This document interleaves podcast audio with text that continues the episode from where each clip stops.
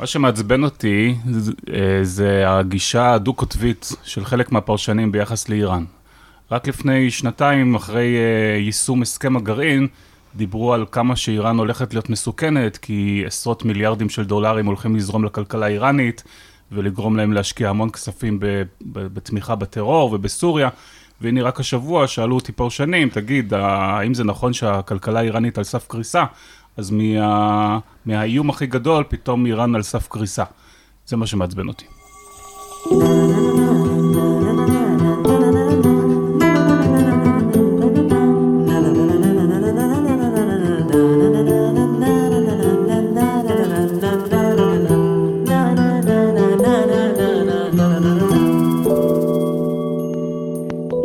אורניום מועשר איראן מאז ועד היום עם דוקטור תמר אילם גינדין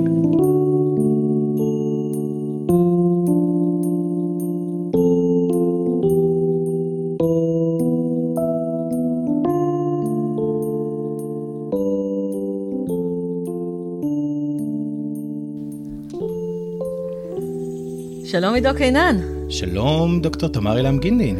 שלום, דוקטור רז צימת, חברי הטוב. שלום, שלום. הלאה, תראי מה זה. רק לפני שני פרקים אתגרת אותי למצוא מרואיין שלא היה תלמיד שלי, והנה מצאתי מרואיין שהיה מפקד שלי בקורס אה, קמ"נים לפני... סוג של, סוג של, כן. סוג של סגן מפקד מגמה. בקורס קמ"נים לפני... אה, יותר מדי שנים, ואנחנו לא נגיד כמה בדיוק. נכון. ותציג את עצמך, את הטייטל המקצועי שלך. אה, איפה נתחיל? אני חוקר איראן במכון למחקרי ביטחון לאומי, ב-INSS, גם במרכז אליאנס ללימודים איראניים באוניברסיטת תל אביב, אני חוקר בדסק לחקר רשתות במרכז משה דיין באוניברסיטת תל אביב, אני חוקר בפורום לחשיבה אזורית. ואני אפילו חוקר במרכז המידע למודיעין ולטרור. טוב, עד כאן זה כל הזמן שהיה לנו, רגע, אבל יש, חוץ מזה אתה גם אה, מרצה בכל מיני מסגרות גמלאים וכאלה. ואני מעביר הרצאות אה, פרטיות למי שמשלם. היטב. כולנו בעצם, כל מי שיושב פה מעביר הרצאות כולנו מעבירים הרצאות למי שמשלם היטב, תשכנעו את מנהלת הרווחה שלכם שזה שווה. אה, הפורום הזה לחשיבה אזורית, כאילו, מרכז אליאנס אני יודעת מה זה, מרכז דיין אני יודעת, INSS, אני יודעת איפה כל אחד מהם יושב. מה זה הפורום לחשיבה אזורית? הפורום לחשיבה אזורית זה פורום שהוקם לפני כשנתיים על ידי קבוצה של מזרחנים, אה, חוקרי מזרח תיכון ממספר אוניברסיטאות בארץ, שהמטרה המרכזית שלו, הייתי אומר, זה לנסות לייצר איזושהי ראייה קצת אלטרנטיבית, קצת יותר מקורית, להסתכל על המזרח התיכון. זאת אומרת, לא רק... אה, האיומים ולא רק ההיבטים הביטחוניים של המזרח התיכון, אלא קצת להסתכל על אה, תהליכים אה, חברתיים, תהליכים אזרחיים, שפחות זוכים לתשומת לב בתקשורת הישראלית. זה איזשהו ניסיון לאתגר את השיח המזרחני השמרני ולקרוא תיגר על, על כל מיני אמירות של מה מקומה של ישראל במזרח התיכון ולאן המזרח התיכון הולך. ו... בעיקר לנסות ולהיות מדי פעם קצת יותר ביקורתיים כלפי השיח המזרחני בארץ. איראן זה נחשב מזרח תיכון? כן. כן איראן, זה... אם מזרח תיכון זאת הגדרה גיאוגרפית, אז איראן היא חלק מהמזרח התיכון. מה שאיראנים לא, הם לא חלק מהעולם הערבי. אבל אני אגיד לך איפה כן הבעיה, אם אנחנו כבר דיברנו קצת על, אה, על השיח המזרחני בארץ. הבעיה עם, עם איראן בארץ, שאף אחד לא בדיוק יודע איפה, איפה לשים אותה. כי אתה מסתכל מי מטפל בנושא האיראני בתקשורת הישראלית, אז יש לך שני, שתי אסכולות. פרשננו את... לענייני ערבים, אני בדיוק, אז מתה. אז יש את האסכולה הראשונה שהיא פרשננו לענייני ערבים, שאינם יודעים פרסית כמובן, ומדווחים על... על אה, ישראל, על, על, על איראן, סליחה, מנקודת המבט של התקשורת הערבית, וכמו שאני אומר uh, הרבה פעמים, לדווח על איראן מנקודת המבט של התקשורת הערבית, זה כמו לדווח על ישראל מנקודת המבט של התקשורת הערבית, והתוצאה היא אותה תוצאה. האסכולה השנייה היא אסכולה שאומרת איראן באמת לא חלק מהעולם הערבי, אז בואו נשים אותה אה, אצל כתבנו לענייני עולם, לענייני, לענייני חוץ, עולם, לענייני כן. חוץ. והם, אה, האמת שזה לפעמים עדיף, נדווח על איראן על בסיס סוכנויות הידיעות המערביות, זה בדרך כלל קצת יותר טוב מאשר לעשות את זה על בסיס אל-ג'זירה, אבל התוצאה היא אותה תוצאה, ולכן אתה מקבל אה, אה, שיח על איראן ששואב או מכתבנו לענייני ערבים או חוץ, או יותר גרוע מפוליטיקאים, ו... וזה אומר ש... שהציבור הישראלי מקבל תמונה מאוד, מאוד מסוימת ולפעמים מאוד מעוותת של מה באמת קורה באיראן. וזה מעניין למדתי, כי... כשאני למדתי לימודים איראנים באוניברסיטה העברית לפני, אה, לא נעים להגיד כמה שנים, אה, אז זה היה חוג ללימודים הודים, איראנים וארמנים, שזאת ההגדרה הכי מדויקת, היא פשוט לא תקפה כבר איזה 1,400 שנה, אבל, אבל זאת, ה, זאת ההגדרה המדויקת. אבל אני חייב לומר שלפחות בשנתיים, שלוש האחרונות, אני בקשרים מצוינים עם, עם, עם כתבינו לענייני ערבים ב, ב, ב, ב, ברוב אמצעי התקשורת, והם יודעים שכשאל-ג'זירה או אל-ערבייה מדווחים משהו על מה קורה בתוך איראן, אז רצוי להתייעץ עם מישהו שיודע פרסית, ו, ואני חושב שזה בהחלט מסייע לתמונה. מה שמוזר בזה זה שאיראן היא חלק כל כך גדול מהשיח הציבורי הפוליטי פה. ו- ושמים את זה בשוליים, כאילו, כתבנו לענייני אה, ערבים ועוד כל מיני דברים, ואיראן. כאילו, כן, נושא אני, לא צדדי. אני לא יודע אם זה בשוליים, יש פה בעיה אחרת שהתמודדתי איתה בעברי הצבאי הלא מפואר. אה, אני תמיד, אני תמיד ניסיתי להסביר... אה, לפקודיי באמת, לא לתמר, אה, שאסור להסתכל על, אה, אסור להסתכל על איראן כתוכנית גרעין שיש למדינה, אלא כמדינה שיש לה תוכנית גרעין. ובאמת כשכל השיח על איראן הוא או בהקשר של תמיכה איראנית בטרור והמעורבות בסוריה, או מספר הצנטריפוגות שעכשיו מסתובבות בנתנז, אז לא באמת, אז צריך להיות באמת, צריך להיות גל של מחאה באיראן, כדי לשכנע את הציבור הישראלי שגם מה שקורה באיראן ובחברה האיראנית ובפוליטיקה האיראנית הוא באמת חשוב. אז לאור הערתך זו, בוא נתחיל עם התוכנית, תוכנית הגרעין, ואחר כך ניגש לנושאים האחרים. מה, מה קורה עם תוכנית הגרעין? מה הסיפור עכשיו? מה... טוב, מה יודע, מה שלומך? הכל בסדר, מסתובבים, אתה יודע, צנטריפוגות. תראה, מה, ש... מה שקורה כרגע זה שכל העולם ואשתו אה, אה, מתמקדים כרגע בתהליך, בתאריך מאוד מסוים, שזה 12 במאי, שאז כידוע לכם בוודאי, וגם למאזינים, הנשיא טראמפ הולך להודיע באופן חגיגי האם הוא, האם הוא נשאר בהסכם הגרעין, האם ארה"ב תישאר מחויבת להסכם הגרעין, או מה שכרגע נראה בסביבות קצת יותר גבוהה, זה שהוא יפרוש מהסכם הגרעין באופן חד צדדי.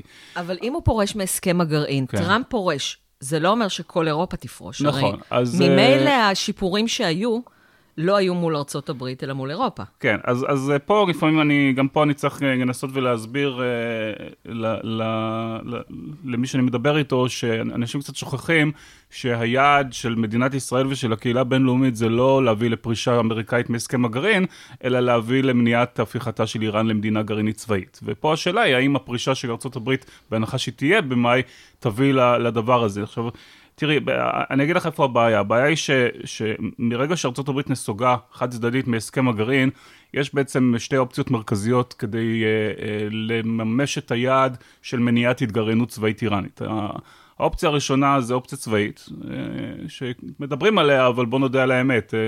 הנשיא טראמפ שמצהיר שהוא איננו מוכן שכוחותיו יישארו בסוריה, אני קצת אה, סקפטי לגבי נכונותו אה, להסתבך עכשיו במלחמה. זה הדבר היחיד שאני יותר מעריכה אותו מאשר נשיאים קודמים. כן, כן, בסדר גמור, זה גם ש... אני, אני, עכשיו לא, אני עכשיו לא אומר אם זה נכון או לא נכון, אני רק אומר שנשיא שאיננו מוכן לתקוף, לשמר את כוחותיו בסוריה, אני בספק רב אם יהיה מוכן להתמודד עכשיו במלחמה עם איראן.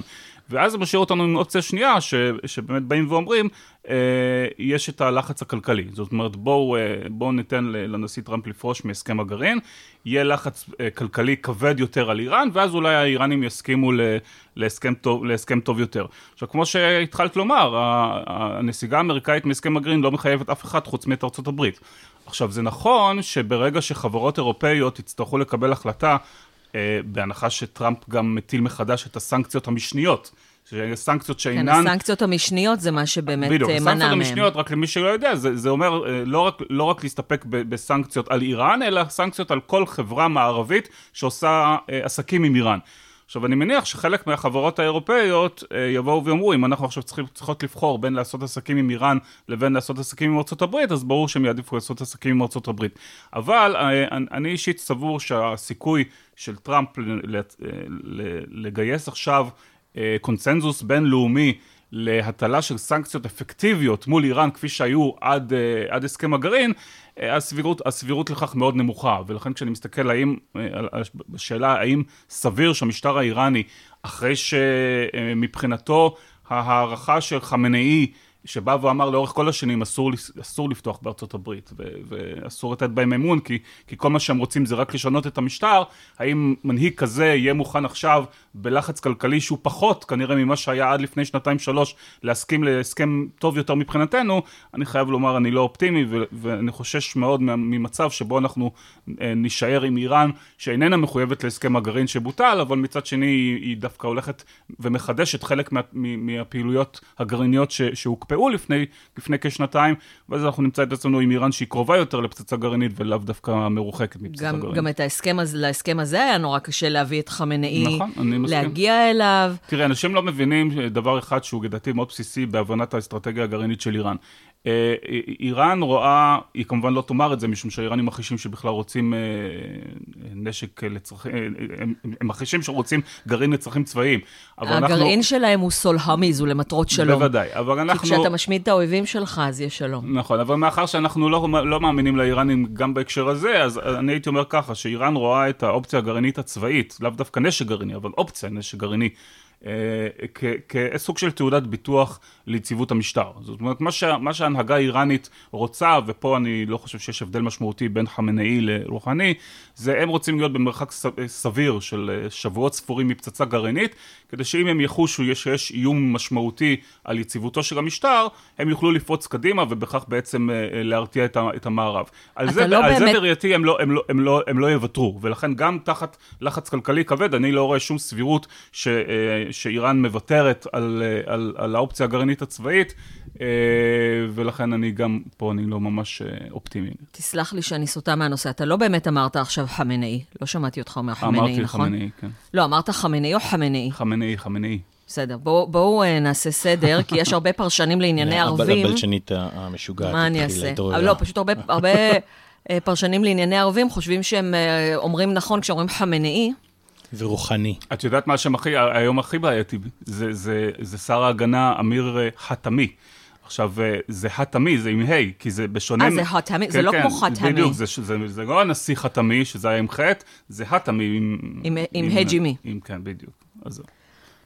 ואז כששואלים אותי אם יש קשר, בין שר, קשר משפחתי בין שר ההגנה האיראני חתמי לשר הנשיא לשעבר חתמי, אני מסביר שזה לא, לא אותו שם. זה היה רק רגע, בפולנית רגע זה פרסית. נשמע אותו דבר. כן, רגע של פרסית בפולנית. אז, אה, אז מה, מה הכותרת, מה, מה כותרת סיכום שאתה נותן לנו לנושא הגרעין. הכותרת הסיכום היא שאיראן לא מתכוונת כנראה לוותר, לא כנראה, איראן לא, לא מתכוונת לוותר בזמן הנראה לעין על, על האופציה הגרעינית הצבאית שלה, ואני לא חושב שגם במקרה של פרישה אמריקאית מההסכם, אמריק... האיראנים מתכוונים לעשות uh, צעדים uh, uh, מיידיים וממשיים לפרוץ קדימה לנשק גרעיני, אבל אני גם לא חושב שיש איזושהי נכונות או כוונה כרגע של המשטר האיראני לשאת ולתת על הסכם שמבחינתנו יהיה טוב יותר. חוץ מישראל וארצות הברית, מי האויבים של איראן ש, שעלולים להיות uh, הנמענים של נשק גרעיני כזה? א', ארה"ב וישראל זה בהחלט מספיק. אתה יודע, אני הייתי בהולנד... כן, יש, יש, אני, יש אני, הרבה שטח לכסות. אני הייתי בהולנד לפני שבוע והרציתי שם ושאלו אותי לא מעט, uh, תגיד, אתה, אתה באמת חושב שאיראן uh, מהווה איום על, על ביטחונה הלאומי של אירופה? ואז, אה, והם התכוונו כמובן לנושא הטילים ולנושא הגרעין, אה, לא, לא, לאו דווקא להשפעות למשל של המדיניות האזורית של איראן ש, שגורמת לבעיית הפליטים מסוריה ו, וכדומה. ואז סיפרתי גם את הסיפור, שאני אספר גם לכם, הם מספרים על אה, אחד מראשי אמ"ן לשעבר, שהיה לפני תקופה די ארוכה כבר בגרמניה, ונשא הרצאה בפני אנשי עסקים גרמניים כדי לשכנע אותם למה צריך להצטרף לסנקציות המשתקות נגד איראן. אה, והוא הסביר להם על איום הגרעין האיראני. ואז בא בסוף ההרצאה אחד מאנשי העסקים ו... ואמר לו, אה, אה, גנרל יקר ישראלי, אתה אל תאיים עלינו בנשק גרעיני איראני, אנחנו חיינו עשרות שנים תחת מטריה גרעינית סובייטית, אנחנו יודעים איך, איך להתמודד עם זה.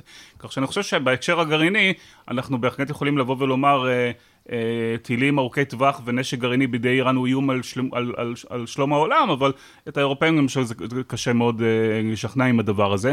אני, אני כן חושב שנשק גרעיני בידי איראן, מעבר לאיום על, על ישראל, שאפשר לדבר עליו יותר מאוחר, אבל באופן עקרוני, נשק גרעיני בידי מדינה שנוקטת מדיניות אה, אה, פרואקטיבית ולפעמים אפילו אגרסיבית ושחותרת אה, לפחות ברמה האידיאולוגית שלה להשמדה של מדינת ישראל, אה, זו סכנה בהחלט משמעותית, עוד לפני שאנחנו מדברים על הסכנה של פרוליפרציה אזורית גרעינית, שזה כמובן סכנה אחרת. אה. ועוד שאלה, זו שאלה תם ממש, אבל אה, נשק גרעיני איראני שיפגע בישראל, יפגע גם בפלסטינים. איראן שמה את הפלסטינים על ראש שמחתם, את ירושלים גם.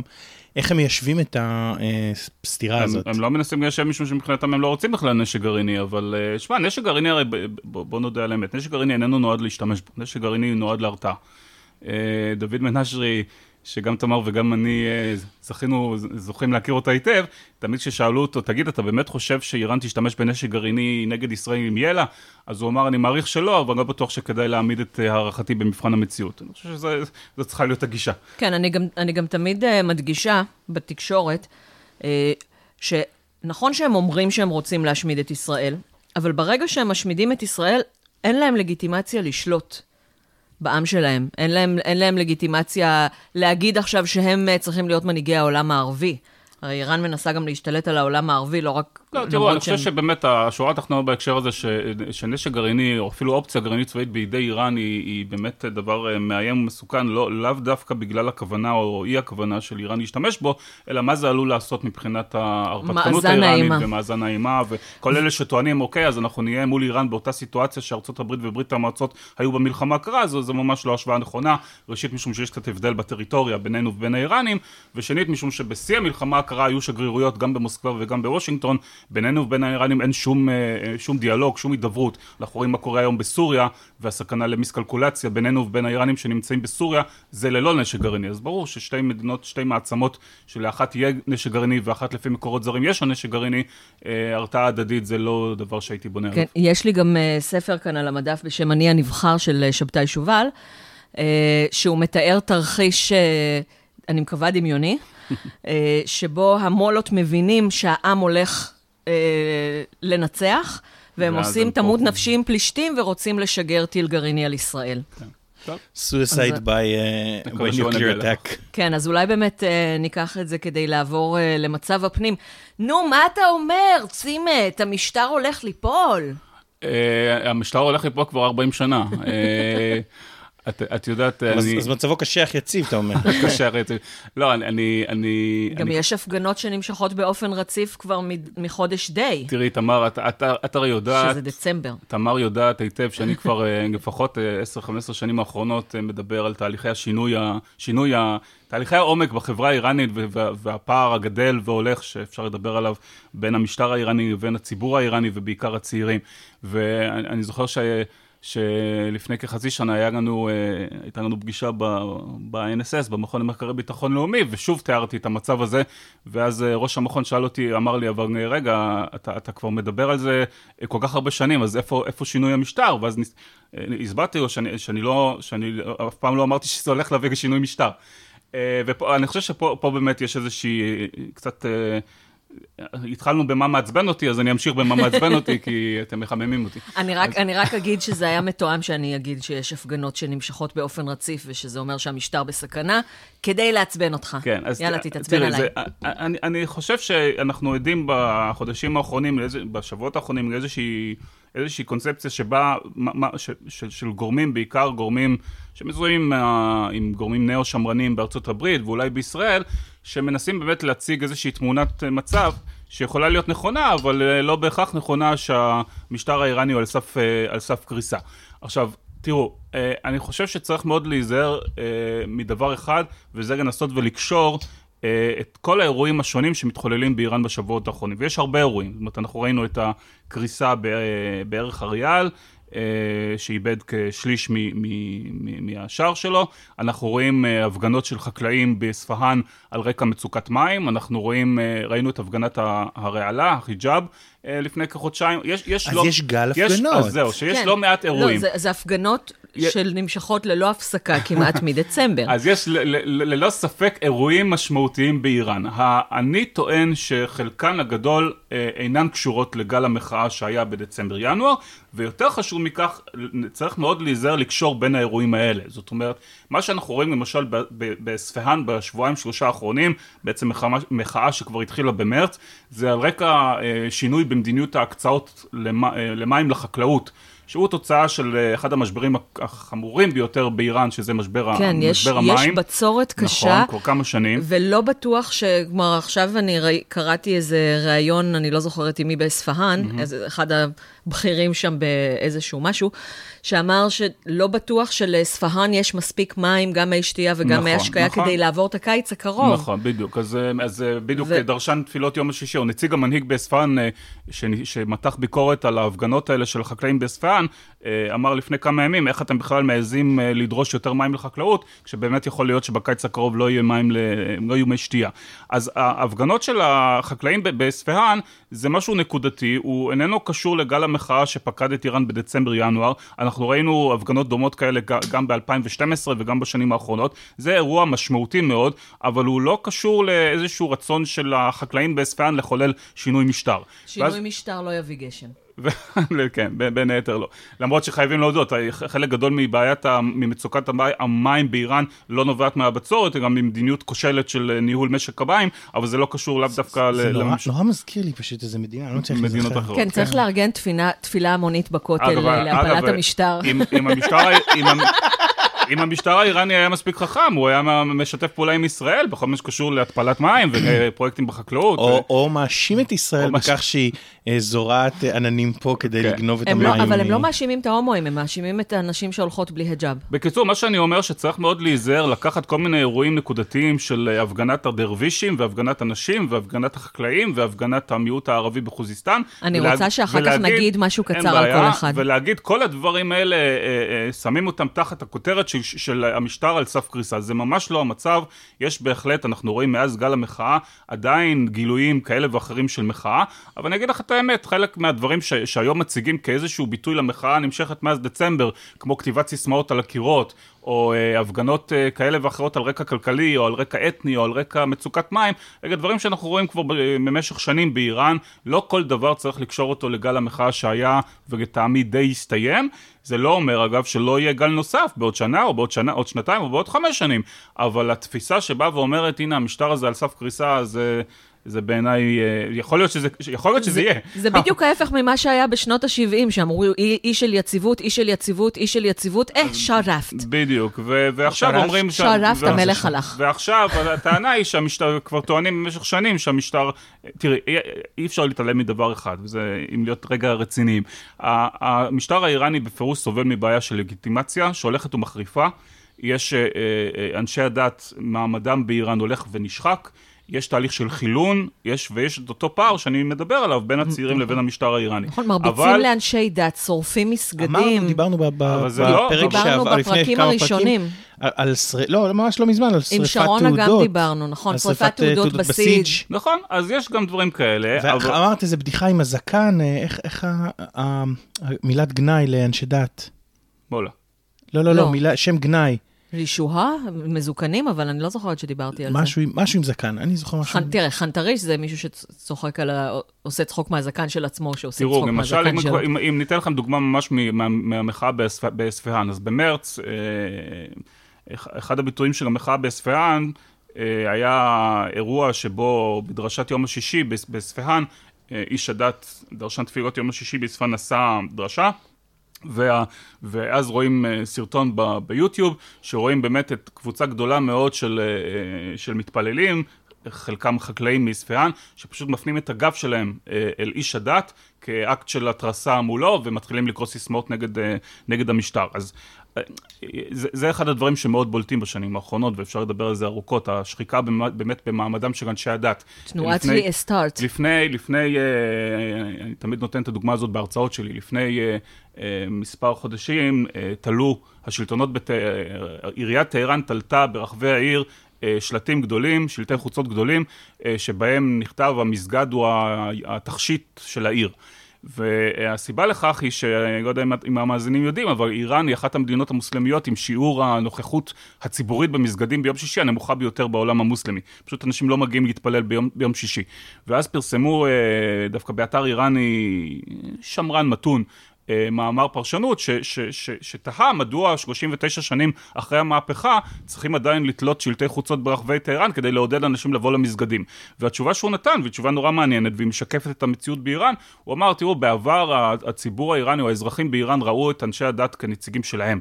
כמייצגים את המצוקות שלהם מול, מול השלטון. מול השלטון. והיום זה קרה, קרה בדיוק להפך, זאת אומרת, בעקבות העובדה שהאיראן, שהאסלאם הגיע לשלטון באיראן, מה שקרה זה שהיום אנשי הדת נתפסים לא כנציגי העם, אלא כנציגי השלטון המושחת, ולכן הציבור כבר לא רוצה להיות, לא רוצה להיות איתם. אני אמרתי, אני אמרתי את זה, אני חושבת, גם בכמה פרקים קודמים, ואני אומרת את זה גם uh, בהרצאות או כששואלים אותי בתקשורת על ה... אה, על העניין הזה של דין גוריזי, בריחה מהדת, mm-hmm. ואסלאם גוריזי, בריחה כן. מהאסלאם. אנשים נכון. שכן, רוצים להיות מוסלם, שכן רוצים להיות דתיים ומאמינים, ממירים את דתם. אה, בשנות ה-40 זאת אומרת, היה... ממירים ל- ל- לאן? לאיזה דת? אה, נצרות זה הכי פופולרי, יש כאלה שנהיים בודהיסטים, לא יכולים להתגייר, אף רב לא יגייר. למה? כי הורידו לו את הראש. אה, אוקיי. אמ, כן, אז את רוצה לתת את הדוגמה של קסרבי. של קסרבי, כן.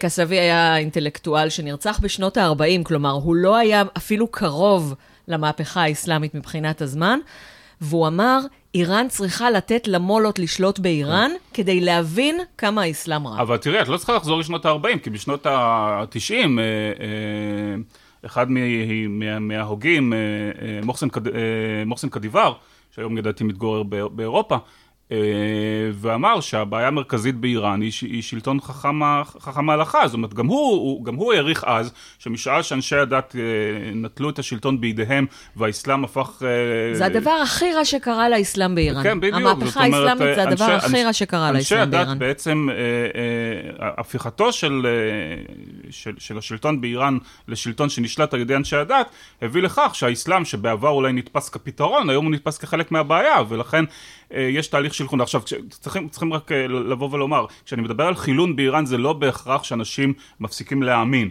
אבל יש בהחלט תופעה של uh, ציבור ש, שאומר אמונתי היא אמונתי, אני ממשיך להאמין. הם אני, מפרידים את הדת מהמדינה אצלם. בדיוק, הם רוצים לעשות, הם רוצים לעשות את, ההפרד, את ההפרדה הזאת את, בין, בין דת ומדינה, וזה כמובן... אה, בעצם כן, קצת, קצת הדת... כמו פה בהפרדה בין הלאומיות היהודית או, ה, או ה, הזהות היהודית, הזהות היהודית mm-hmm. לבין המדינה היהודית. זה, תראה, תראה אני, אני טוען שמי שרוצה להביא להפרדה בין דת ומדינה בישראל צריך לעודד יותר ויותר כפייה דתית, כיוון שהכפייה דתית תביא אולי למה שקרה באיראן, זאת אומרת שככל שקוד הלבוש האסלאמי יותר נאכף וככל שאנשי הדת מעורבים יותר ויותר בפוליטיקה, כך אה, אה, נקעה נפשו של הציבור האיראני מהממסד הדתי. כן, אבל אתם מסתכלים על הצד השלילי שתלו שלטים שצריך לבוא לא, לזה, לא, לא, ואני מסתכל על הצד החיובי שלא תלו חילונים.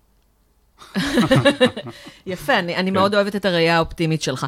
יש, אנחנו נשים קישור מהפוסט אה, לקטע יוטיוב שלי מלפני כמה שנים, שאני מפרשנת אה, דר, דרשן יום השישי ב, בטהרן. שאומר שהמסגדים ריקים ומתלונן על זה כן. שאנשים כבר לא באים למסגדים ו... וצריך לעודד... כל היום הם באינטרנט, זאת, באינסטגרם, בקנדי קראש. ולעומת זאת, וזה אחד הדברים שאני גם מתאר בשנים האחרונות, זה כיצד ה... ה... במטוטלת הזו שבין הדגש על הזהות הלאומית פרסית לבין הזהות האסלאמית, אה, הדתית האסלאמית, המטוטלת עכשיו שוב נעה בכיוון של הדגשת הזהות הלאומית אה, פרסית. אני הייתי אומרת לאומית אה, איראנית, כי איראן מורכבת מהרבה לאומים. בסדר, אני מקבל. הפרסי זה, כן, לא כולם פארס. אני מקבל את זה, אני מקבל את זה, והייתי אומר ככה, שאת רואה למשל את האופן שבו, אולי דיברתם על זה בשידורים הקודמים, על האופן שבו באיראן ציינו את יום כורש. אה, בשנתיים האחרונות. או איך, אה, איך... אנחנו אפילו היה לנו, אנחנו נקשר לפוסט שלי בחדר 404, שציינו את יום כורש בחסימת כן, כבישים. בדיוק, אז זה, זה חלק מהדברים שמאוד מאוד בוטים, כי, כי אחת השאלות, ש, אם, אם אנחנו חוזרים לשאלה ששאלת, ששאלתם אותי קודם לגבי שינוי משטר, אני, אני חושב שאחת אחת ה... אחד היתרונות עדיין שיש למשטר באיראן, זה שהוא עדיין מצליח לגייס את, ה, את, הז, את הזהות הקולקטיבית האיראנית אה, כדי אה, לגייס את תמיכת הציבור, במיוחד מול אויב חיצוני. זאת אומרת, אם אתה... מלחמה תציל את המשטר. מלחמה, בדיוק. אה, אה, לפעמים לא צריך אפילו מלחמה, זאת אומרת, את רואה כיצד, את, את ראית את התגובות ברשתות החברתיות באיראן לנאום של טראמפ, אה, שבו הוא הציג את האסטרטגיה החדשה שלו מול איראן, וגם את וגם אני אז התייחסנו לעובדה שהדבר שהכי העסיק אז את האיראנים, זה לא הדיבורים שלו על סנקציות או על מעורבות איראן בטרור, אלא העובדה שהוא קרא למפרץ חליג' ערביאן גלף, כן, הוא לא כן. קרא לזה חליג', הוא קרא לזה ערביאן גלף במקום פרז'ין גלף, אומרת המפרץ הערבי במקום המפרץ הפרסי, וזה מה שהעסיק את כל, את כל הגולשים האיראנים באותה תקופה. ואז כולם ו... אמרו, חמנאי צודק, אסור בדיוק, לסמוך על ארצות נכון, הברית. בדיוק, ורואים את זה בכל פעם, בכל פעם שיש איזשהו אויב חיצוני, בין אם זה דאעש, ובין אם זה ישראל, ובין אם זה סעודיה, ובין אם זה טראמפ, אז uh, יש מה שמכונה rally around the flag. בדיוק, uh, להתגייס סביב הדגל, ו- ו- וזה בהחלט דבר ש- שבא לידי ביטוי בשנים האחרונות. אנחנו גם דיברנו בתדרוך לעיתונאים שהיינו בו ביחד בירושלים כן. של ה-JPC, mm-hmm. Jerusalem Press Club, נראה לי. Uh, על זה שבעצם המילה לאומנות עברה ניקוס על ידי המשטר, כי ב... יש שתי משמעויות, כשאומרים על איראני שהוא לאומני, זה יכול להיות שתי משמעויות שהן סותרות אחת את השנייה לגמרי. אתה רוצה. שאני אגיד? למה את מתכוונת? שלעומת... פעם לאומנות הייתה אה, שאני דוגל בזהות האיראנית ולא ב... האסכולה האסלאמית. אני שמעתי הרצאה של מישהו מאוד בכיר באחד הכנסים, של מישהו שהוא מאוד בכיר באקדמיה ללשון פרסית, וחצי מההרצאה הייתה אפולוגטיקה, אנחנו לא לאומנים, פדוסי לא שנא ערבים, כלומר, משהו כן, כזה, ועכשיו אבל... לאומנות... כן, אבל אז, אז תראי, זה, זה דבר מרתק. למה? כי כחוקר רשתות חברתיות באיראן, אז אה, אני, יש, יש אה, לא מעט, היו לא מעט הערכות, אה, גם אותם אני מביא פה ושם כשאני מדבר על, בהרצאות שלי על רשתות חברתיות, אז היו כל מיני הערכות של טכנולוגים. אה, לפני 20 אה, שנה, שבאים ואומרים, בגלל הרשתות החברתיות והעולם שהופך להיות עולם גלובלי, אז אף אחד לא ידע מה זה, איפה הגבולות ומה זה, זה תפיסה לאומית בכלל. והיום אנחנו יודעים שהרשתות החברתיות, זה נכון גם אצלנו, אבל גם באיראן, מחזקות זהות. זהות, אה, בדיוק, זה מחזקות, מחזקות זהות. לא רק את הזהות, הן מחזקות גם קבוצות מיעוט, נכון. שמקבלות, ש, שאנשים מגלים פתאום שיש אנשים כמוהם. נכון. ו... ושזה לגיטימי, במרכאות. ואת רואה... כמו על הורים. ואתם רואים, אתם רואים, אתם רואים למשל את, ה, את השיח שיש באיראן, איראן אה, סביב אירועים של אה, התנגשויות או עימותים עם ערב הסעודית ופה רואים אה, ממש גילויים לגזענות נגד הערבים, זאת אומרת זה מעבר כבר לעניין של איראן מול סעודיה או לעניין של שיעים מול סונים, זה ממש את רואה ביטויים וקריקטורות לתפיסה גזענית נגד הערבים, אוכלי הלטאות מהמדבר, כל הדברים שאנחנו, שאנחנו חוקרי איראן מכירים אותם היטב, אבל זה, זה נראה היה ש-39 שנים אחרי מהפכה אסלאמית אולי הדבר הזה קצת יידח, כן, והוא ממש לא. הישראלים לא ממש מבינים שאיראנים וערבים זה לא אותו דבר, וחשוב גם לאיראנים וגם לערבים שתדעו שאיראנים וערבים זה, אלה שתי קבוצות מזכיר, אתניות שונות לחלוטין. זה מזכיר לי שעיתונאי ישראלי פעם סיפר לי שהוא היה ב... ב הוא ליווה את המשא ומתן הגרעיני בז'נבה או בווינה, ואז הוא סיפר לי שניגש אליו עיתונאי אה, משארק, שזה המקבילה האיראנית להארץ, זה עיתון, אה, אחד העיתונים הרפורמיסטים, אה, כן, אחד העיתונים הרפורמיסטים היחידים שנותרו עדיין באיראן, ואותו עיתונאי ניגש אליו ואמר מתי, מתי סוף סוף יגיע היום שבו האיראנים והישראלים יוכלו לשתף פעולה נגד האויב האמיתי שלנו, שזה הערבים. אז... אה, אז אה, אפרופו רשתות חברתיות, נספר אה, סיפור מהימים האחרונים. אה, משרד החינוך האיראני ביקש מבתי הספר להפסיק להשתמש ברשתות חברתיות זרות. בעיקר בטלגרם, כן. אוקיי. וטלגרם בכלל עכשיו יש לה כן, עדנה, פתאום הרוסים נגדה והאיראנים נגדה, הפכה להיות... חמנאי היום הודיע היום. חמנאי הוציא פתווה, אה, הוציא פתווה שאסור אה, להפר את אה, פרטיות האזרחים ברשתות החברתיות. אז זה ההמשך, זאת אומרת, זה מתחבר לי בזה שאיראן כבר הרבה שנים מבטיחה להקים רשת אינטרנט משלה סגורה, והבקשה כן. לא להשתמש ברשתות חברתיות זרות, ואז האמירה שבעצם בואו תשתמשו ברשתות החברתיות האיראניות, איך קוראים לשר התקשורת הצעיר שנולד אחרי המהפכה? אז זה יהיה ג'הרומי. כן, אז ג'הרומי אמר ש... שהרשתות החברתיות האיראניות יבטיחו את אותה פרטיות ואותם תנאים של הרשתות הזרות. ואז, כן. ואז חתמי אמר, אה, לא, חמינאי, סליחה, ואז חמינאי אמר, אנחנו... לא, חמינאי היה לפני, עם הפתווה. אה, הוא אמ- אמר את זה כן, לפני, זה אבל זה במקביל, ממש ב- ב- באותם ימים, הוא אומר, אנחנו, זה- זה לא, זה נגד הדת לפגוע בפרטיות של תראה, עידו, אנשים. בוא, בוא, בוא נשים את הדברים על השולחן. אה, אני מתנצל מראש על, על התבוסתנות האיראנית שלי פה. מדיניות החסימה האיראנית נכשלה. זה, זה, זה לא אני אומר, זה האיראנים עצמם אומרים. זאת אומרת, אתה לא יכול לבוא ולומר שיש חסימה של רשתות חברתיות באיראן, כשפייסבוק שחסומה, יש אה, כ-15 מיליון משתמשים בפייסבוק, כולל חמני וכולל רוחני, ואתה לא יכול לבוא ולומר ש... ש אה, החסימה הצליחה כש... אה, אה, כשטוויטר חסומה ויוטיוב חסומות ו- ועדיין יש כל כך הרבה משתמשים.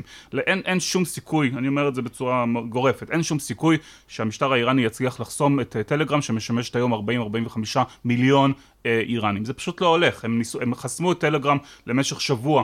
אה, בגל המחאה האחרון של דצמבר-ינואר, וזה פשוט לא עבד. זאת אומרת, ואני- הנשיא, הנשיא רוחני הפעיל פה את כל כובד משקלו, והוא לא יותר מדי רב, אבל בהקשר הזה הוא הצליח. אה, ופשוט ביטל את החסימה. אין אנחנו היום- אין נשים שום- אין שום וידאו אלטרנטיבה. לנאום שלו, שבו הוא אומר שלא צריך לחסום את אין הרשתות אלטרנ- החברתיות. אין אלטרנטיבה, אין היום אלטרנטיבה לדבר הזה. אה, אתה- אתה אמרת, ובצדק, האיראנים מדברים כבר סליחה, אם שנים. אתה רק יכול להתחיל את המשפט הזה מההתחלה, אין היום אלטרנטיבה, אני רק רוצה לעשות את הקלאפ בשביל ה... קטע וידאו. شما امروز ببینید تو مردم ما چقدر دارن از فضای مجازی استفاده میکنن خب یه عده خوششون نمیاد از این فضای مجازی بدشون میاد یه عده میگن مردم منحصرا باید از صدا و سیما بشنوند و ببینند اینا همچون نظری دارن اشکال نداره صدا و سیما هم باشه اهلا و سهلا אין היום שום, שום אלטרנטיבה לרשתות הזרות. זאת אומרת, אה, ת- אה, אה, הרי ה- התהודה והפופולרית היום של טלגרם באיראן היא במידה רבה, כי האיראנים חסמו רשתות זרות אחרות, את אה, וייבר והדברים האלה, וזה פשוט אה, הם עברו לשימוש באמצעים אחרים. ולכן אני, אני, כמו שאמרת, האיראנים מנסים למצוא חלופות מקומיות, זה לא עבד בעבר, זה לא יעבוד בעתיד. כל ה... כשראינו את החסימה של השבוע בטלגרם, ראינו פתאום קפיצה משמעותית בחיפושים של איראנים בגוגל אחרי אה, אה, אה, אמצעי... פרוקסים. circumvention. מעקף, עקיפה. כן, עקיפה של... אה, فیلترشکن, שובר פילטרים. בדיוק, זה, זה פשוט לא עובד, הם לא יכולים לעשות את זה, ולכן הם מדברים זאת כבר... אומרת, זה, זה מטרד בעיקר מבחינת האזרחים. אנחנו חושבים, אוי, צריך למצוא עכשיו פרוקסי חדש, צריך נכון, למצוא בדיוק, עכשיו... זה מטרד, אבל הם, אה, הם בהחלט עומדים בזה. תראה, זה כמו נושא של צלחות לוויין, הרי גם צלחות לוויין אסור ב- להשתמש באיראן, כי זה חלילה... יכניס אל-ג'זירה אה, למים. מילא אל-ג'זירה, אבל... אה, מנוטו. אבל אה, כל- בדיוק, מנוטו, וכל השידורים... גולגוש אקדמי, זה- זה כוכב נולד, אבל עם- כן. כתפיים ושיער. בדיוק, כל- כל של השידורים... נשים? שירת נשים? חלילה. אדירים. כל השידורים שמגיעים מלוס טהרנג'לס לתוך איראן, ולכן זה אסור, אבל אם תסתובב היום בטהרן, אני מודה שלא עשיתי את זה בזמן האחרון, אבל ותסתכל למעלה, אתה תראה שרוב רוב, הבתים יש צלחות לוויין, וכבר וזה אמר... בגלוי, ו- זה וזה- בגלוי. מה זה בגלוי? אחת לכמה לא- חודשים באים כוחות הביטחון, עולים על הגגות, מסירים צלחות הלוויין, ולמחרת שוב יש צלחות לוויין. אז בא שר אז הם בעיקר עוזרים לתעשיית הצלחות. זה, זה, זה, זה בדיוק מה שאמר שר התרבות האיראני. לפני uh, כשלוש שנים, אני חושב, הוא נתן ראיון לאל-ג'זירה, ואמר, אנחנו מטומטמים, אנחנו יודעים ש-60% מהאזרחים בטהרן צופים בטלוויזיה באמצעות צלחות לוויין, ואלא אם כן אנחנו רוצים לדאוג לפרנסתם של סוחרי המתכות, אין שום סיבה ל- לפרק את הצלחות האלה, אנחנו הרי יודעים שהן חוזרות למחרת.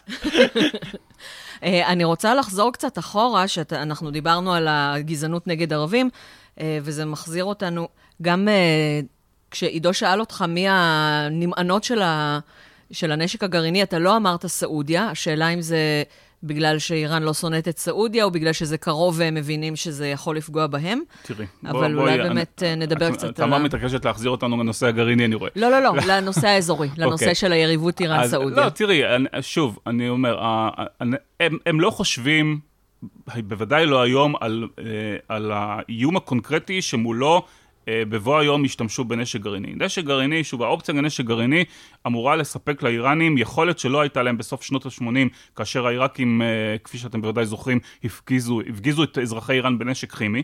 אה, הם לא רוצים להיות במצב שהם מחר עומדים מול איום אחר. וזה לא משנה אם זה עיראק, אם זה דאעש, אם זה ארצות הברית או אם זה טנזניה עילית, שמחר אה, מאיימים על איראן, הם רוצים שתהיה להם יכולת להגיב בזמן קצר אה, ולהרתיע. ולכן אה, זה לא משנה אם זה סעודיה, עיראק או, או, או ישראל. תראה, בין, בין סעודיה ואיראן יש ללא ספק אה, אה, יריבות רבת שנים, שיש בה גם גלים, בתקופות מסוימות, כמו בתקופת נשיאותם של רפסנג'אני ו- וחתמי, המצב השתפר. בשנים האחרונות הם נמצאים שוב באיזשהו שפל שרק הולך ומחמיר. הם הוא- רבים על סוריה. הם, הם, רבים על, הם רבים גם על סוריה, רבים הם על רבים, כל הם רבים על. עיראק, הם רבים על... אה, הסעודים חוששים, חוששים מהאיראנים במידה כזו או אחרת של צדק. יש פה מאבק בין שתי... הייתי אומר מעצמות אזוריות, למרות שיש כאלה, ואני מסכים איתם, שאומרים שסעודיה היא בכלל לא סוג של מעצמה אזורית, היא רק רואה את עצמה כמעצמה אזורית. יש להם הרבה כסף. אה, גם זה כבר יש להם פחות, אבל, אה, אבל כן, יש, אה, בוא נאמר, הסעודיה, ואני לא רוצה כרגע להסתכסך עם אה, חבריי וחברותיי חוקרות סעודיה, אז אני אזהר בלשוני, אבל אני אומר שסעודיה בשנ, בשנים האחרונות, במיוחד תחת הובלתו של הידיד החדש שלנו, מבאס, מוחמד בן סלמן, נוקטת במדיניות שהיא הרבה יותר פרואקטיבית, הם כבר לא משתמשים רק ב- בעוצמה רכה, אלא גם ממש מתערבים, למשל צבאית בתימן, וזה כמובן רק גורר עוד יותר למתיחות, גורם למתיחות אה, מחר- מחריפה ביניהם לבין האיראנים. אבל בוא, שוב, זה, זה לא, אה, אה, אין איזשהו, זה נכון שחלק מזה זה גם עניין של ויכוח בין שיעים וסונים, אבל בר- ברמה האידיאולוגית זה לא שאיראן שוללת את זכותה של סעודיה להתקיים. ולכן הייתי אומר, זה, היום זה נמצא במצב מסוים, אבל אנחנו נמצאים במזרח תיכון שהוא כל כך דינמי, שאם היית אומרת לי לפני שלוש שנים שטורקיה ו- ורוסיה ישתפו ביניהם פעולה, כפי שהן משתפות היום פעולה אה, בסוריה, הייתי אומר שזה אולי בלתי אפשרי, כך שאם את, אה, אם אנחנו נראה בעוד חמש שנים, לא הייתי אומר ירח דבש, אבל איזושהי התקרבות מחודשת בין איראן לסעודיה, גם, גם, גם זה אפשרי. אה, אני רוצה גם אה, שנדבר על הערבים בתוך איראן. היו הפגנות, חלק מההפגנות האלה, שלא קשורות להפגנות האחרות, אה, היו של הערבים במחוז חוזיסטן, נכון. שהתחילו אחרי שתוכנית טלוויזיה הציגה אה, בובות קטנות של כל, אחד מה, כל אחת מהקבוצות האתניות באיראן, ואת מי לא הציגו? אתה ערבי? את הערבים. בובה ערבית. קודם כל, אנחנו יכולים לה- כל ל- הזמן... להשמיע קטע מזה? אנחנו, אתה אוהב לעשות לי עבודה, אה? כן. יאללה.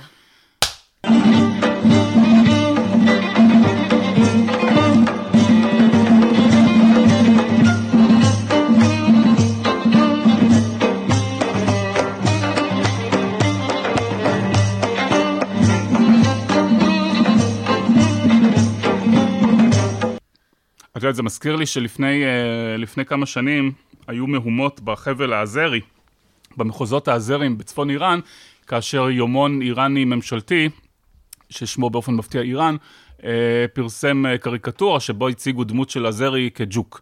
וזה עורר מהומות. זאת אומרת, בדרך כלל האירועים האלה על רקע אתני זה, זה סביב כל מיני אירועים שלא כך ברור. אירועי תרבות, אירועי, אה, כן, אירועים כן. אה, ביזאריים. אה, אולי כן. נזכיר מי האזרי הכי חזק באיראן? אז זהו, הוא חצי, חצי אזרי, בוא... בסדר, חמנה זה כן. באזרבייג'אן. נכון, חמינאי הוא חצי אזרי. אה, אגב, הזר, מ- מכל המיעוטים באיראן, הערבים והבלוצ'ים והכורדים, אה, דווקא הזרם יחסית, שאומנם הם המיעוט הגדול ביותר, הם קרוב ל-20% מהאוכלוסייה, אבל הם, הם השתלבו בסך הכל והם לא רע. שיעים, והם ו- שיעים. ו- נכון, ח- חלק מהסיבה זה שהם באמת שיעים והם השתלבו בהחלט לא רע, אבל זה נכון שמדי פעם פורצות, אה, פור, פורצים אירועים על רקע אתני ראשוני, גם פה אני תמיד אה, נוקט בגישה מאוד זהירה. אני לא רואה שינוי משטר באיראן אה, שמובל על ידי מיעוטים אתניים. בטח לא על ידי ערבים.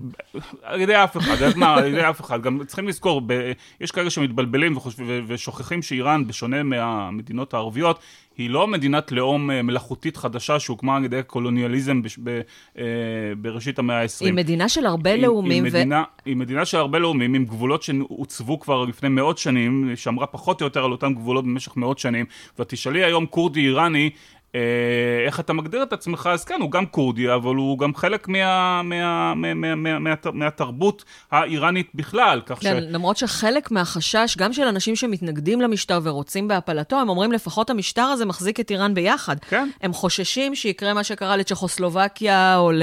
בדיוק, והרי כל פעם שיש איזושהי ועידה בעולם הערבי של תמיכה בבדלנים ה... אה, של אהבז, של אה, חבל, אה, מה שהערבים קוראים ערביסטן, ואנחנו האיראנים קוראים לו חוזיסטן.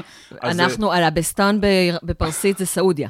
אז, אז בכל פעם שיש איזושהי ועידה כזו בעולם הערבי שתומכת בבדלנות הערבית, אז ישר את רואה ברשתות החברתיות גם גולשים איראנים שאינם מזוהים עם תומכי המשטר, איך הם פתאום שוב מתייצבים מאחורי הדגל ואומרים את זה שלא תעזו לעשות, אל, אל תנסו להביא לפיצולה של איראן, זה לא יצליח לכם, כי אנחנו קודם כל איראנים.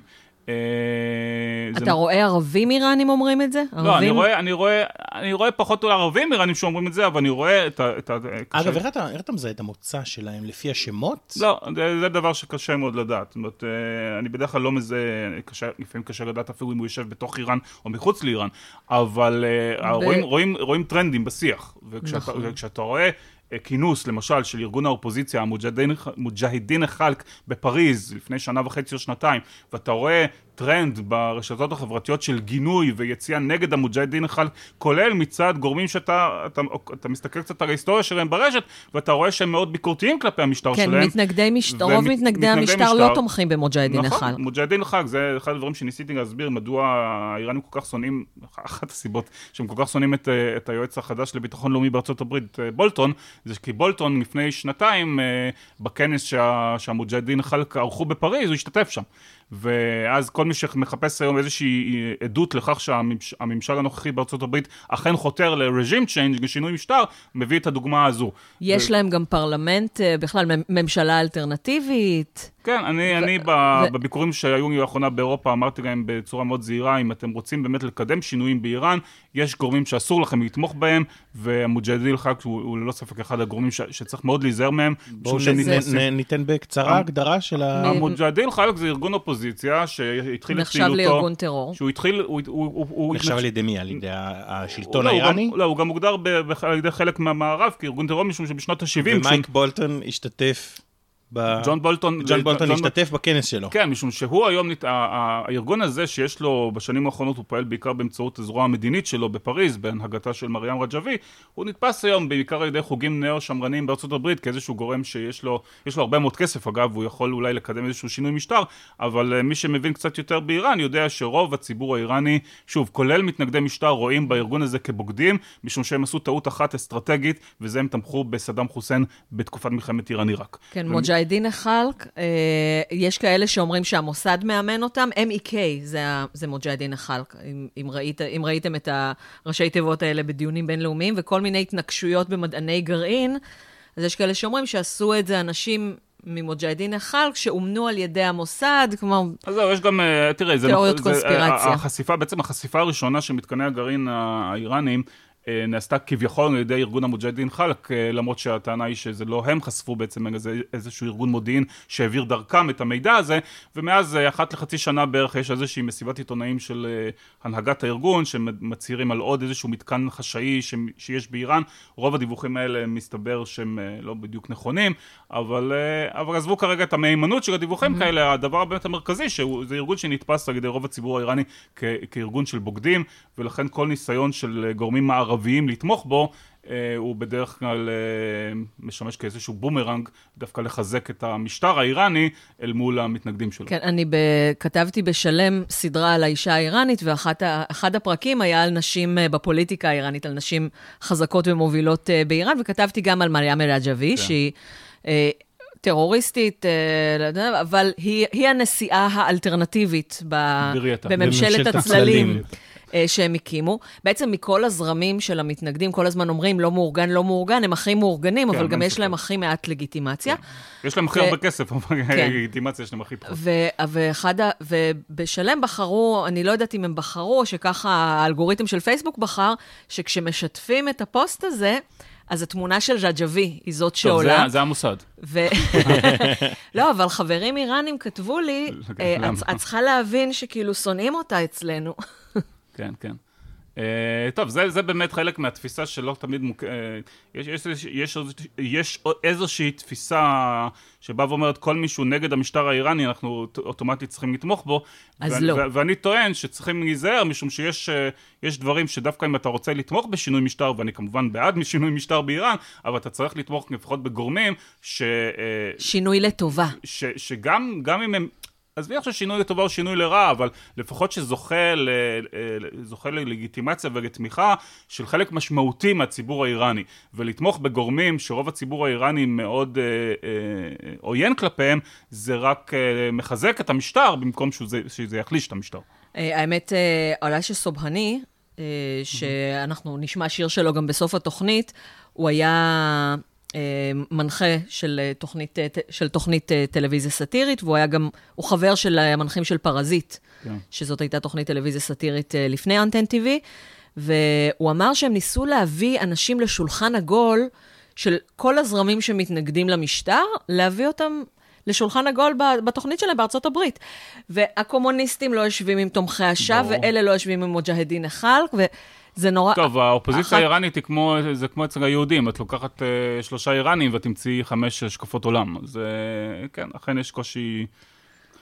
אני בכלל, הגישה שלי היא שאם יהיה, אם יתחולל שינוי באיראן, הוא, הוא, הוא, הוא יתחולל מבפנים. זאת אומרת, אה, לאו לא דווקא באמצעות שינוי אבולוציוני שיבוא מתוך, מתוך המשטר עצמו, אבל אה, גם אם יש שינוי אלים באיראן, אז uh, מי שצריך להוביל אותו ומי שיוביל אותו זה כנראה הציבור האיראני עצמו, ולא כל מיני ארגוני, uh, ארגונים מלוכניים או ארגוני uh, אופוזיציה ש, שעוצמתם היא, היא בחו"ל. אני, uh, אני, אני מרגיש uh, שיש איזושהי תופעה מאוד מעניינת, שברגע שאיראני גולה, אה, גם אם הוא היה, גם אם הוא שיחק תפקיד מאוד מרכזי בסיביל סוסייטי, בחברה אזרחית בתוך איראן או בפעילות פוליטית, משעה שהוא עוזב את איראן הוא, הוא במידה רבה נתפס כאיזושהי נפולת של נמושות, כמו שכינו את זה פעם בארץ. זאת אומרת, את רואה אה, למשל את אה, מי שהיה אחד ממנהיגי הפועלים המאוד רציניים באיראן, מנהיג של ארגון האוטובוסים באיראן, אני כרגע שכחתי את שמו,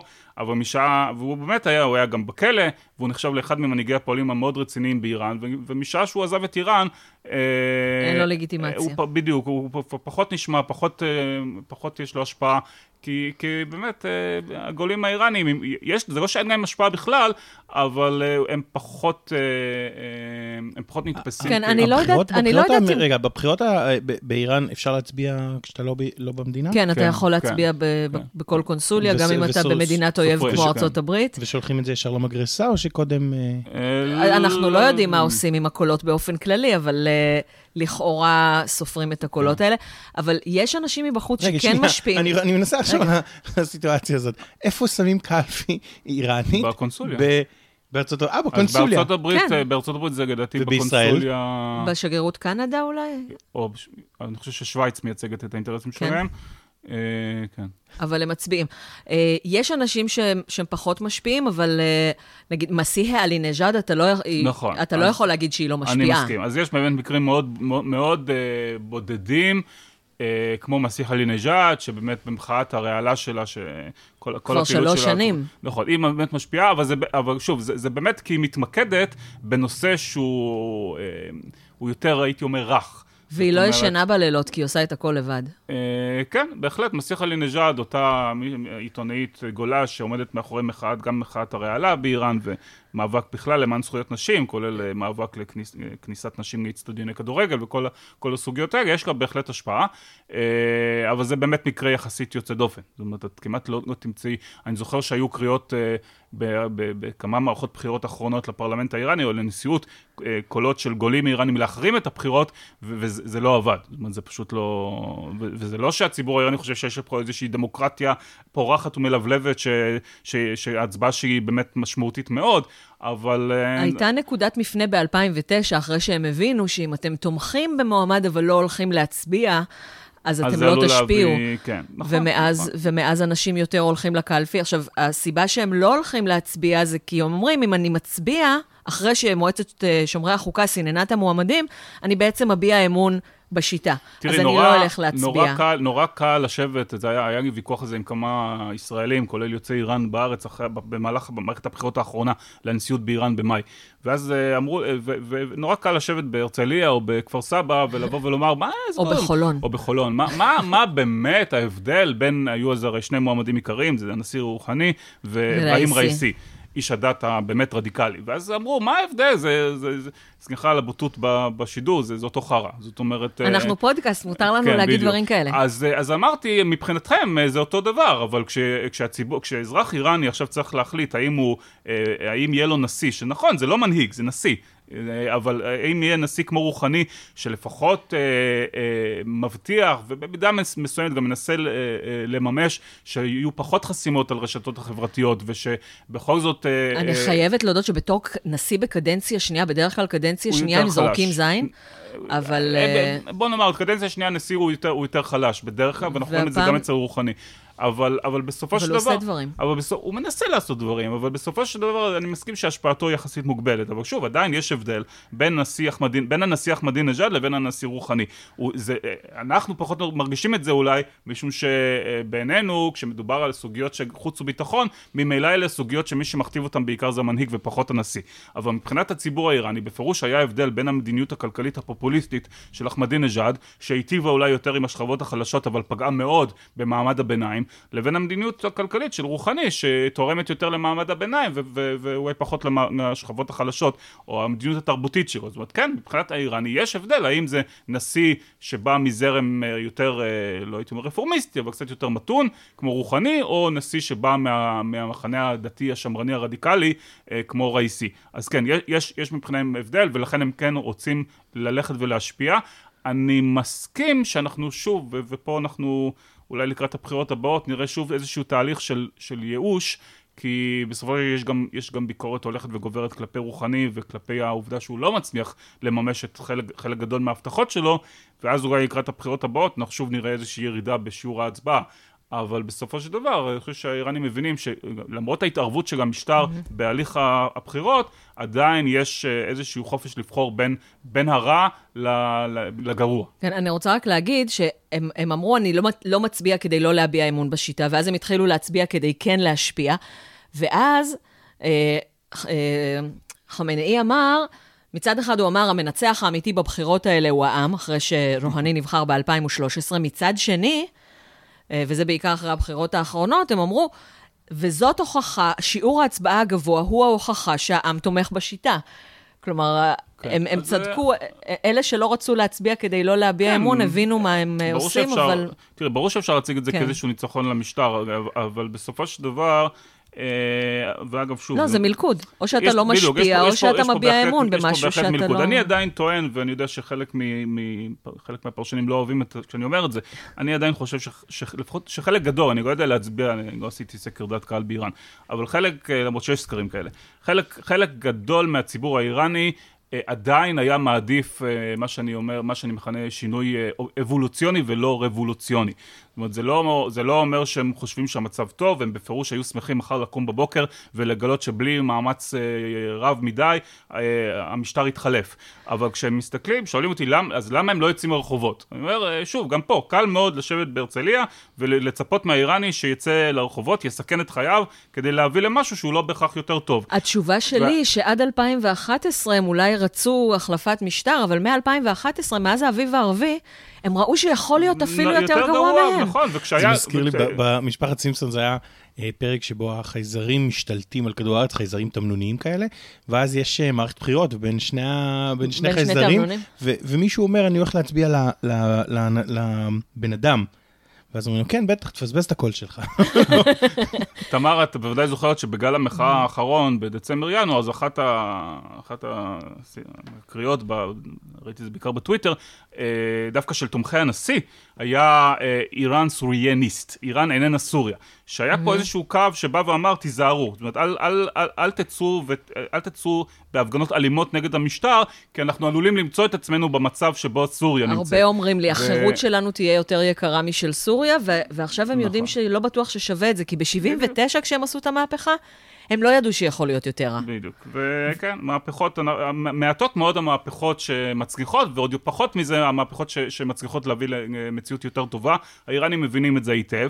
יכול להיות שבסופו של דבר לא תהיה ברירה, זאת אומרת, יכול להיות ש, אה, שאם הנשיא רוחני ייכשל ולא יצליח להביא לשום שינוי, מה שכרגע די נראה, ואולי המנהיג, אה, המנהיג חמני ימות בסופו של דבר, ואולי יבוא מישהו לא טוב ממנו, אולי אפילו גרוע ממנו, אז יכול להיות שבסופו של דבר כן נראה איזושהי התקוממות מדיניות עממית אלימה. אז אנחנו צריכים ש- לצפות להסלמה ו- ואולי להיות אה, קורבנות של נשק גרעיני כאשר אה, יהיה... כאשר המצב של השלטון שם יהיה מעורער? לא, בלי לא, קשר לא, לפעולות לא, שלנו? לא, לא בהכרח, אני רק, אני רק אומר שלא תמיד האלטר, האלטרנטיבה היא טובה יותר. אני, הגישה שלי בשנים האחרונות לגבי מה שקורה באיראן זה שכל עוד חמינאי שם, כנראה ששום דבר משמעותי לא, לא, לא ישתנה. לא מבחינת מדיניות החוץ האיראנית וגם לא מבחינת המצב הפנימי. השאלה היא גדולה, מה יקרה אחריו? אה, אם יבוא מנהיג שהוא... אה, דמוי רוחני, ושוב, לא שהוא רוחני, הוא אה, איש מרץ, אבל הוא, הוא לפחות מכיר את הבעיות המרכזיות של, של, של איראן, ולפחות מראה שהוא כן מחויב לטפל בהם, גם במחיר של אה, נסיגה מסוימת מערכי המהפכה האסלאמית. אז יכול להיות שכן נראה שינוי, אבל uh, צריכים לזכור, רוחני, אף אחד לא מבטיח לו שהוא יחליף את חמינאי. ואם אנחנו נראה אחד כמו ראיסי, או אחד כמו סאדק לריג'אני, ראש הרשות השופטת מחליף את חמינאי, אז uh, בהחלט יכול להיות שמה שהיה הוא שיהיה. ו... את, אני כתבתי לפני כשנה, קצת פחות מאמר, על משבר השמרנות האיראנית. ובעצם המלצתי, זה אמנם לא, לא נוסח בצורה של המלצה, אבל המלצתי למשטר האיראני שאם הוא רוצה להציל את המהפכה האסלאמית, הוא צריך לאמץ את, ה, את הקו של רוחני. זאת אומרת, שבא ואומר, אה, קצת להתמתן וקצת אה, אה, לאפשר פתיחות מסוימת ולעשות רפורמות כלכליות מרחיקות לכת, אחרת הם ימצאו את עצמם בפני עוד גל של, אה, גל של מחאה ו, ואולי אפילו מעבר לזה. לצערי הם לא, הם לא אימצו את ההמלצות, ואז הם חטפו את אה, גל המחאה האחרון. אז אה, איראנים אה, בפעם הבאה, בבקשה תקשיבו לרז צימט, שלא יקרה, חבל, חבל שלא... בשביעי של פסח, מקור ראשון פרסם גיליון של אוטופיות, כן, ראיתי. אה, ואני כתבתי שם את ה... האוטופיה שלי היה ניוזלטר של נספחת התרבות של ישראל באיראן החופשית, 20 שנה אחרי כינון היחסים, ו... ו... והצעתי איזשהו תרחיש בלי שפיכות דמים. זה אוטופיה, כן? אבל, אבל. הצעתי. מותר לדמיין, מותר לחלום. אה, עוד משהו שרצית לדבר עליו ולא דיברנו? אני אסיים בעוד אנקדוטה, אה, ש- אה, הרציתי, אני חושב שזה היה בראשון לציון לפני אה, כשנה, אה, דיברתי על תהליכי השינוי הפנימיים באיראן, ואז אה, דיברתי גם על היחס לישראל, וטענתי שבנוגע ליחס לישראל, לפחות מבחינת המשטר, אה, אין שינוי של ממש. ואז אה, ניגש אליי אה, בסוף אה, גבר ישראלי, לדעתי בשנות ה-60 שלו, ואמר לי שהוא מאוד, אה, מאוד מאוכזב. אמרתי לו, למה אתה מאוכזב? אז הוא אומר, כי דיברת על תהליכי השינוי באיראן, ו...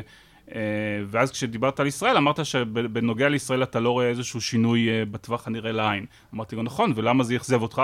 ואז הוא אמר לי, כי אני הייתי איש עסקים בשנות ה-70 באיראן, והאיראנים עדיין חייבים לי כסף, וקיוויתי שתגיד שהולך להיות שינוי באיראן, ואני הולך לחזור לאיראן ולקבל את הכסף. אני חושב שה... אני- בריאלים, הוא יכול לקבל אותו בריאלים. אני, טוען שהשינוי אה, כלפי ישראל יהיה הדבר האחרון שישתנה באיראן. אני גם אה, אמרתי, אני גם אמרתי כן, שזה כן, לקח עוד נכון. איזה עשר שנים. אה, אנ- אנחנו, אה, לפני סיום, אני רק רוצה לציין, ואני גם אציין את זה כמובן בתחילת הפוסט, כשזה יתפרסם, שהסיבה שלא התייחסנו לאירועים אקטואליים ממש, זה שאנחנו מקליטים את הפרק משהו כמו שבוע וחצי לפני שהוא מתפרסם. כך שאם אה, תהיה תגובה איראנית על המתקפה המיוחסת לישראל בסוריה, שלא נבוא ונאמר אה, תהיה תגובה או לא תהיה כן, תגובה. שלא, אה, כן. שלא, אז, אז השתדלנו לא, לא, לא לצפות אה, דברים בטווח הקרוב מדי, וגם לא, לא דיברנו על אקטואליה שקרתה בשבוע, שבוע וחצי האחרון, מכיוון ש... ישתנה, אה, זה ישתנה כנראה. זה ב- ישתנה, ישתנו עוד מלא דברים עד בדיוק. שישודר. טוב, אז אה, עד כאן איראניום מועשר, אנחנו מודים לאורח שלנו, אה, דוקטור רז צימת. תודה רבה לכם. היה לי כיף. גם לי היה כיף. כן, היה תודה מאוד רבה. מעניין. תודה, עידו קינן. תודה, תמר אלעם גינדין, ועד הפעם דוקטור. הבאה. ובלשנית, ופרסית. והושיע. אה, צימת, מה אנחנו רוצים לקדם? את ההרצאות שלך למסגרות פרטיות? אפשר. אוקיי, תזמינו את צימת להרצאות למסגרות פרטיות, וגם אותי וגם את עידו. כן, לא שחסר עבודה, אבל... אה, כן. אה, ואתם מוזמנים גם לה- להקשיב למיני פודקאסט שלי אנחנו- ברדיו תל אביב, איראן בקטן. לקרוא את הטור, מה נעשה באיראן, שבקרוב יחזור, אה, בחדר 404. כן, זה יש את ההקלטה שלך בסוף. ואם אתם רוצים להביע את הערכתכם לכל מה שאני עושה בשבילכם בהתנדבות, אז אפשר uh, לקנות ספרים של הוצאת זרש, לשכנע את מנהלת הרווחה שלכם שאני שווה את המחיר של ההרצאות שלי, או פשוט לקנות לי קפה, יש כפתור פה בצד. או תה. אתה, אוקיי. אנחנו ניתן לו לבחור שיר של אה, קיוסק? כן, יש לך אני- שיר לא, של... אני- אני סומך על טעמה המוזיקלי של תמר. תודה רבה.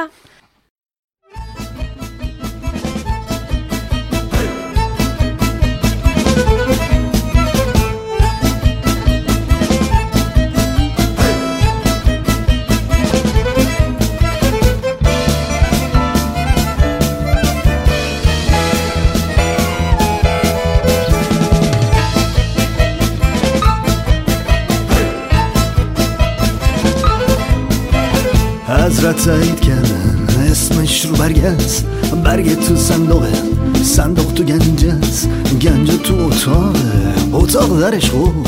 شیخو بیدار کنیم نه خوابیده خسته است.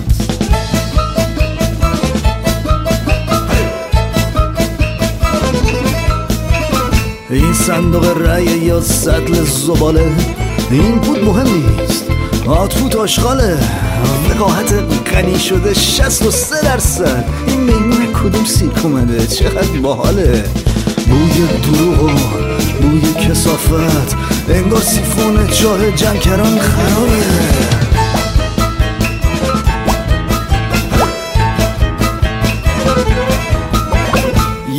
نظارت می‌کنه. یکی استثمار شرافت تو کماس و شجاعت تو خود عدالت رو ولش کن هم کوره هم مسته. شمشیرشو میچرخونه با چشای بسته. شیشه نوشابه یا کیک و ساندیکس سهام عدالت پخش می‌کنن مگه یادت نیست؟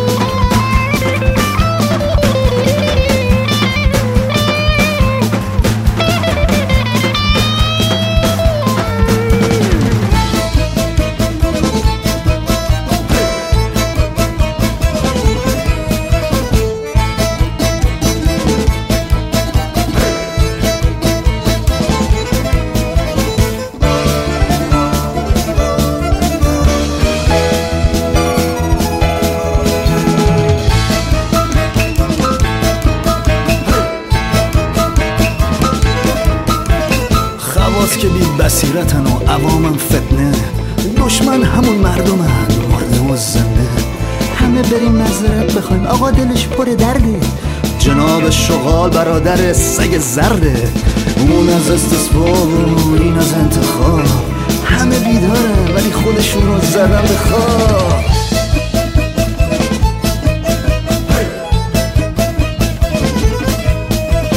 حضرت تایید کردن حضرت تایید کردن. حضرت تایید کردن. Hazretten heykelin Hazretten heykelin Hazretten heykelin Hazretten heykelin אתם יכולים למצוא את הפודקאסט איראני מועשר בכתובת podcast.zrsh.co.il אימייל ליצירת קשר איראניום at zrsh.co.il ואם אתם רוצים אקטואליה איראנית מהמאה ה-21 תוכלו למצוא אותה בבלוג חדר 404 room404.net בטור של דוקטור תמר אלעם גינדין מהנעשה באיראן.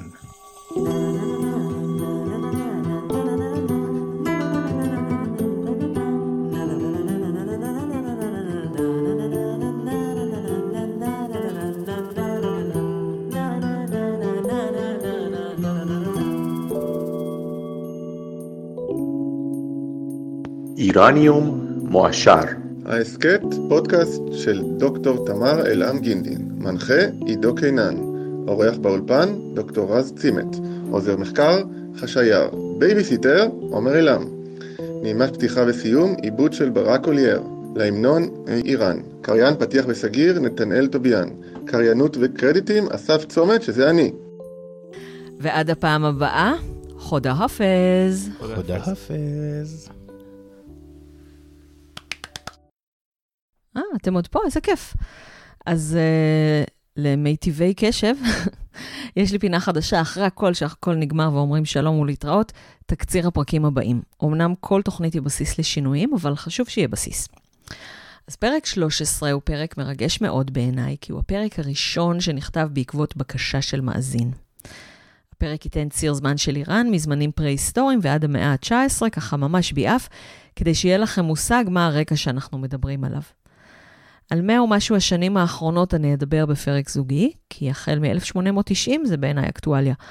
אבל זה לא יהיה מיד אחרי, כי פרק 14 הוא כבר שיחה באנגלית שלי ושל עידו עם הולי דאגרס, בעלת הניוזלטר המצוין The Ironist, פרשנית רצויה בכל כלי התקשורת בשפה האנגלית, אה, שגרה עכשיו בירושלים. בפרק 15 אפתח שוב מיקרופונים ממעיין אשכולי, שאתם זוכרים ואוהבים מפרק 5, ונעדכן אתכם מה התחדש בינתיים בספרנו המשותף המלכה, בלי ספוילרים אה, יותר מדי. פרק 16 יהיה הפרק המובטח עם ציר זמן ביעף משלהי המאה ה-19 ועד ימינו. בפרק 17 אני מארחת את מקס מלכיאל, בעל הווילוג מתכונים מאלף ועד תף. נדבר על בישול איראני, על בישול בוכרי, על בישול בכלל אולי, על בלשנות ועל מה שעוד יעלה. אה, אני עדיין לא בטוחה אם יהיו לנו מנחים אורחים, אבל אה, שתדעו לכם שיש לו כבר קהל מעריצים בארץ. אה, פרק 18 עדיין לא סגור מה הנושא, כנראה ראיון עם אורח כלשהו. יש לי רשימה של כמה, אבל עדיין לא תיאמתי זמנים. ופרק 19 יהיה שוב פרק משותף, אנחנו נעשה את זה כל שמונה פרקים. עם אה, דוקטור אילנה בקסיס מדברי הימים, הסכת על המזרח הקדום, ודוקטור ליאורה רביד מהפודקאסט של התנ"ך. אנחנו נדבר על דריווש. Uh, אתם מוזמנים לכתוב לי עוד הצעות ובקשות. אם נהניתם, הפיצו לכל עבר עם איזו מילה טובה. אם לא נהניתם, הפיצו עם מילה רעה. פרסום זה פרסום. אה, כן, וביקורת בונה גם תתקבל בשמחה בפרטי ותילקח בחשבון. אז, אז עכשיו באמת, עד הפעם הבאה, חודה חופז.